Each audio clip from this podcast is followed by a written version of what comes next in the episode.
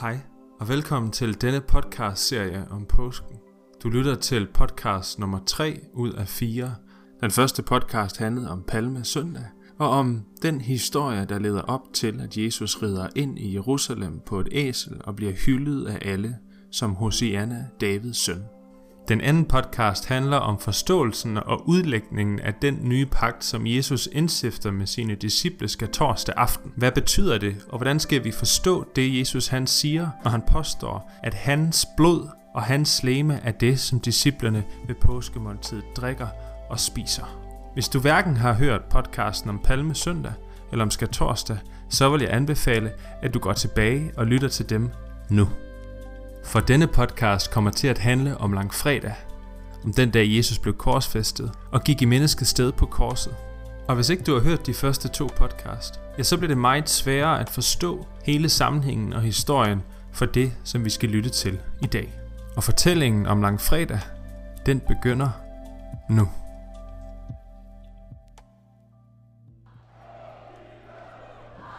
Pilatus spurgte dem, hvad skal jeg så gøre med Jesus, som kaldes Kristus? De sagde alle sammen, han skal korsfæstes. Han spurgte, hvad ondt har han da gjort? Men de råbte blot endnu højere, han skal korsfæstes. Da Pilatus så, at der ikke var noget at gøre, men at der tværtimod blev uro, tog han noget vand, og i skarens påsyn vaskede han sine hænder og sagde, Jeg er uskyldig i denne mands blod, det bliver jeres sag. Og hele folket svarede, Lad hans blod komme over os og vores børn. Den her sidste sætning, den er simpelthen så barbarisk, så vild, så fyldt af had og skuffelse. Tænk sig at ville råbe det om et andet menneske. Bare korsfæst ham. Og uanset hvad det så har af betydning, så er jeg fuldstændig ligeglad. Bare lad hans blod komme over os. Bare lad hans blod komme over vores børn. Han skal bare dø. Det er jo det, der har betydet, når de har råbt det her. Og det fantastiske netop ved den sætning er jo samtidig, at det er jo fuldstændig lige akkurat det, som Jesus han har tænkt sig at gøre. At lade hans blod blive udgydt for de, som råber korsfest. For som han senere siger på korset, tilgiv dem, for de ved ikke, hvad de gør. Og de to sætninger til sammen er faktisk langfredag i en nødskal. For beretningen om langfredag viser os to helt grundlæggende kristne sandheder. Den første sandhed handler om mennesket, og den anden handler om Gud. Og mennesket viser langfredag, hvor foranderligt menneskets hjerte det er.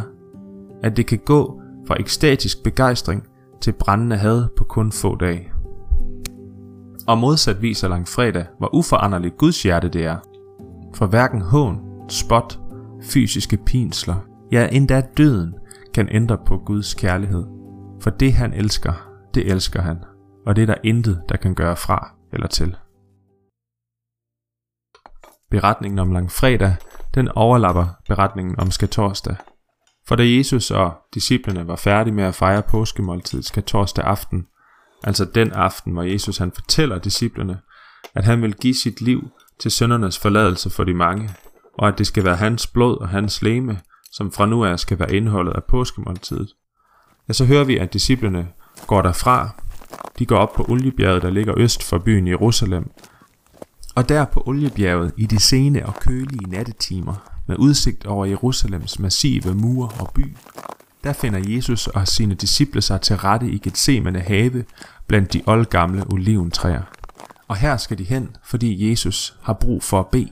For selvom Jesus virkelig var Gud, Gud der blev menneske, ja så var han også stadig menneske. Han var lige så meget menneske, som han var Gud. Og derfor bliver Jesus også grebet af sorg og angst over det, der står foran ham.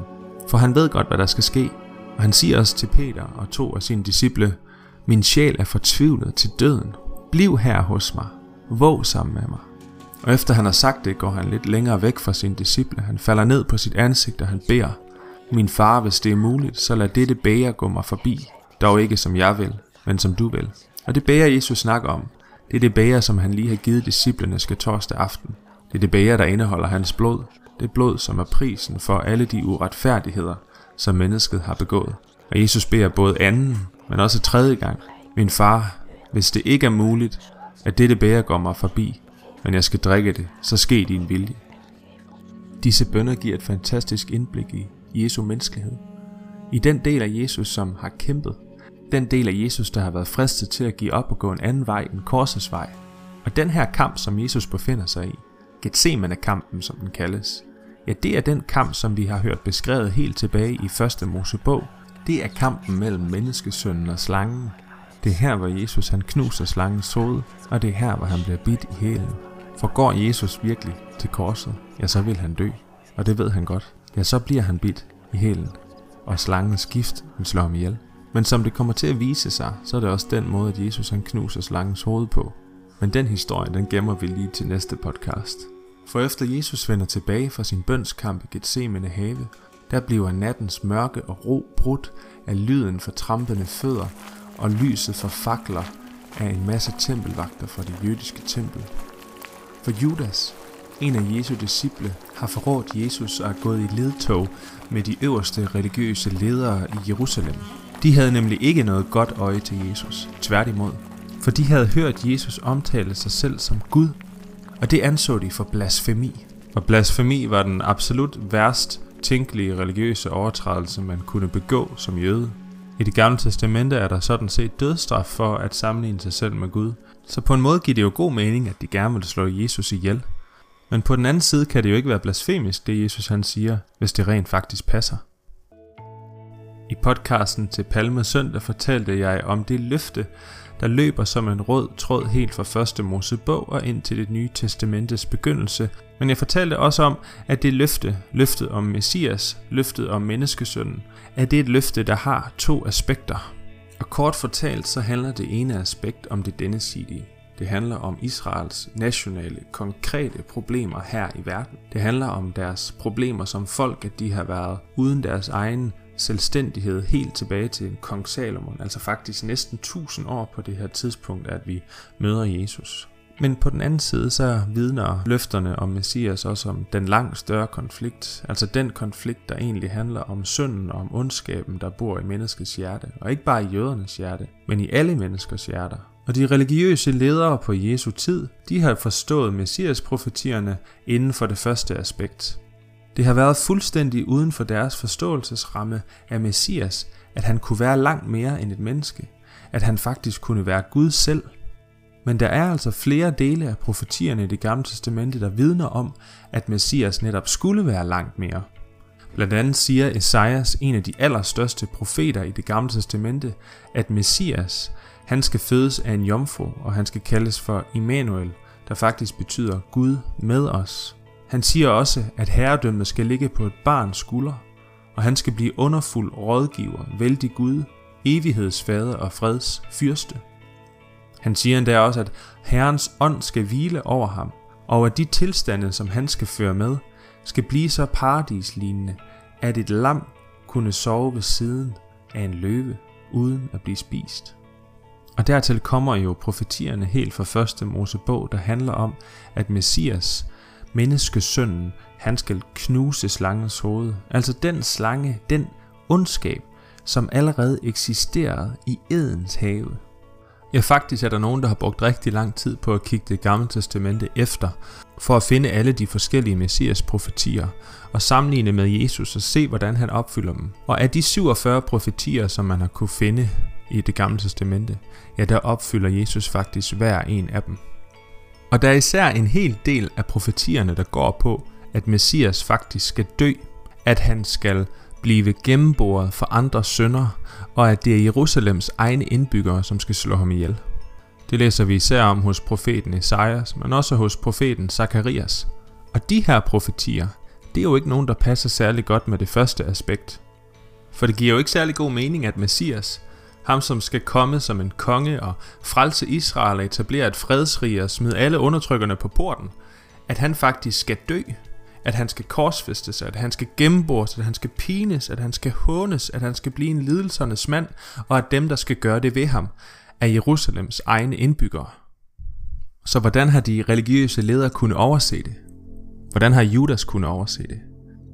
Ja, det hænger sammen med den første sandhed, som beretningen om langfredag viser os nemlig hvor hurtigt at menneskets hjerte kan vendes fra det ene til det andet. Hvis vi ser på Judas og hvorfor han forrådte Jesus, ja så får vi faktisk noget af årsagen hertil allerede givet ved hans navn. Navne har nemlig en kæmpe betydning for en jøde og for en jødes identitet, og et navn siger derfor rigtig meget om, hvem personen han er.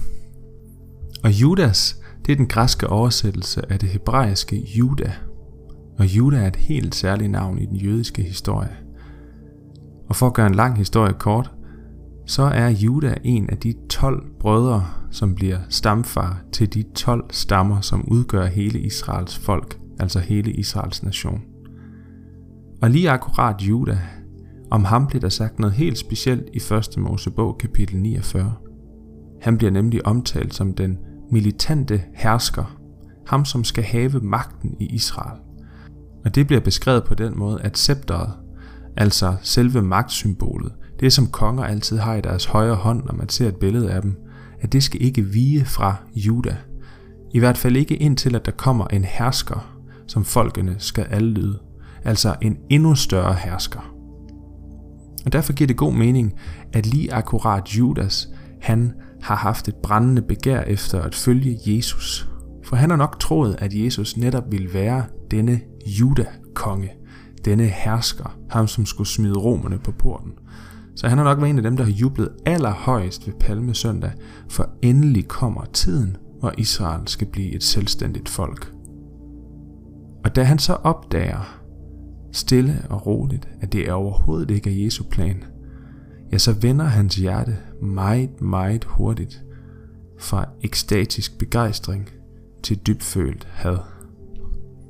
Og ham, som han før ville have fuldt i tygt og tyndt, forråder han nu for den simple sum af 30 sølvpenge. Og det har Judas gjort, fordi hans hjerte har været interesseret i Israels befrielse og selvstændiggørelse. Så når han har fulgt Jesus, så er det fordi han troede, at det var det, Jesus var kommet for at ville gøre. Og som Judas' begejstring af Jesus den aftager, og han stille og roligt opdager, at Jesus var en helt anden konge end den, som han håbede på, ja, så bliver hans stærke begejstring over for Jesus vendt til et akkurat lige så stærkt had over for Jesus.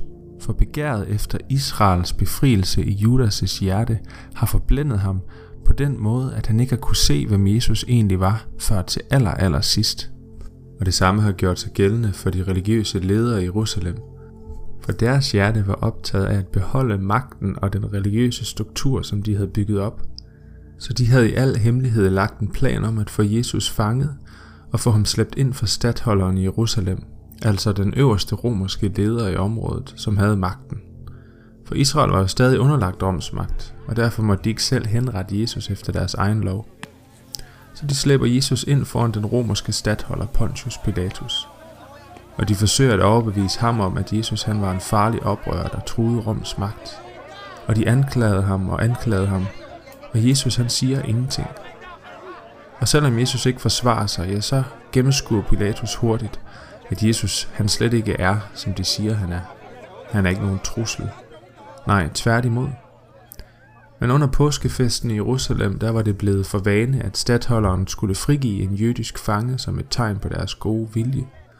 Så Pilatus gør det, at han tager en berygtet forbryder ved navn Barabbas og Jesus, og stiller dem begge ud foran den folkemængde, der ventede udenfor, og spørger dem, hvem af disse ville have jeg skal løslade. Og folkemængden råber, Barabbas.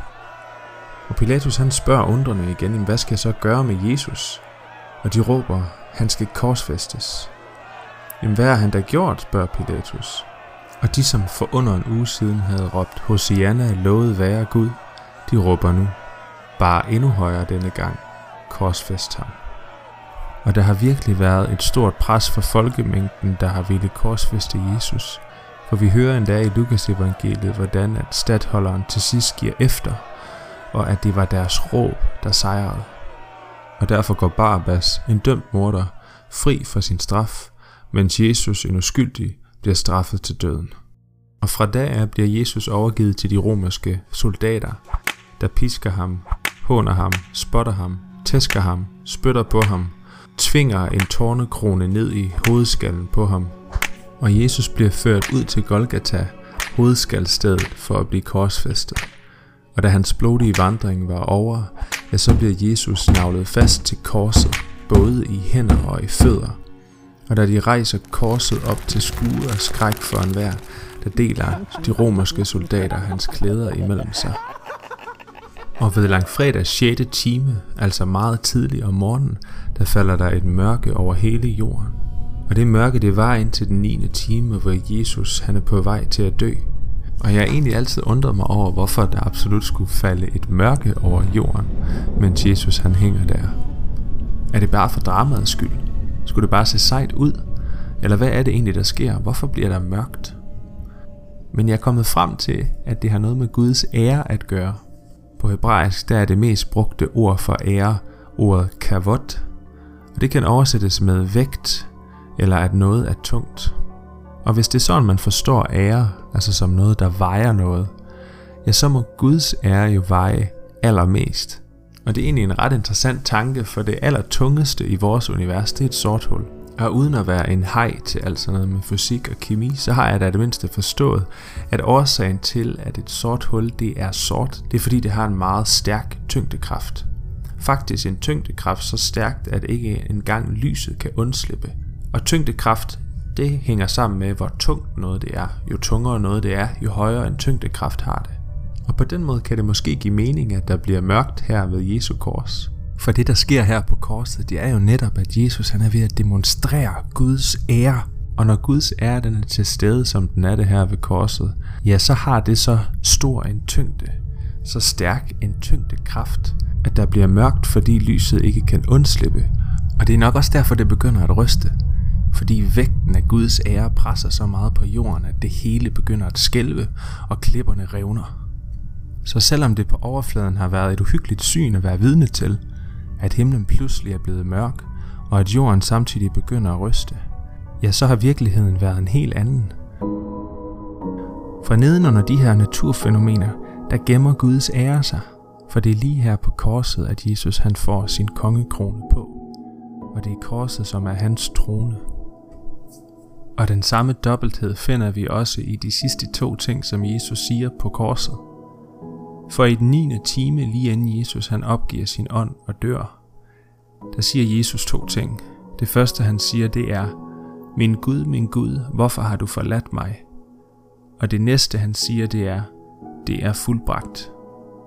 Så på den ene side vidner Jesus om, det er forfærdeligt at være forladt af Gud. Altså at alt det gode, at varmen, livet, lyset, kærligheden, ophavet til alt godt, trækker sig fuldstændig tilbage, så Jesus er overladt til sig selv.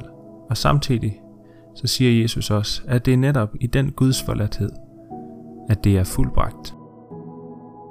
Og i de to korte sætninger, som Jesus siger inden sin død, i de to korsord, der gemmes indholdet af den anden kristne sandhed, som langfredag viser os. Nemlig at hverken engle eller magter, eller noget nuværende, eller noget kommende, eller noget i det høje eller i det dybe, eller noget som helst i det hele taget kan skille os fra Guds kærlighed. For det som Gud han elsker, det elsker han, og det vil han altid elske. Og det er Jesu død på korset et bevis på.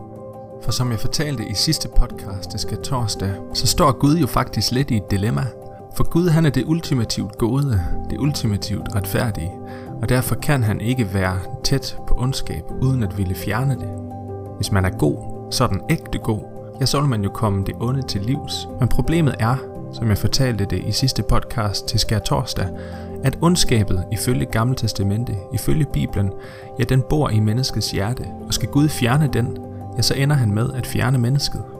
Men det vil Gud ikke. Han vil ikke fjerne mennesket, for han elsker mennesket. Så hvis han skal redde mennesket uden at gå på kompromis med det gode, med retfærdigheden eller med kærligheden, så er der brug for den her helt specielle superhelt. En, som kan gå i menneskets sted og betale prisen for al den uretfærdighed og ondskab, som mennesket har begået. Og det er langfredags underfulde fortælling. At Jesus ikke bare kunne. At han ikke bare ville. Men at han faktisk gjorde lige akkurat det, der skulle til. At han gik i menneskets sted og betalte prisen for al vores uretfærdighed. Det kan godt være, at Jesus han ikke er den superhelt, de havde drømt om, at han ikke var den messias, jøderne havde håbet på. Men han var den messias, de havde brug for. Og på den måde gik den barbariske sætning, som folkemængden råbte til Pilatus i opfyldelse. Folkemængden råbte jo, lad hans blod komme over os og vores børn. Men det de ikke vidste, i det de råbte den sætning var, at det blod ikke kom over dem som en skyld.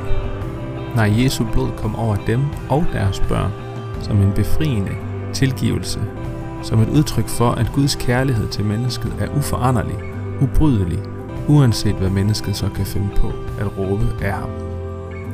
Og det var derfor, det blev langt fredag. Det var derfor, at Jesus han blev lagt i en grav. Det var derfor, han døde. Men heldigvis så slutter historien jo ikke der. Den slutter ikke i en grav. Nej, den slutter et helt andet sted. Men den historie, den venter vi med til næste gang. Tak fordi du lyttede med.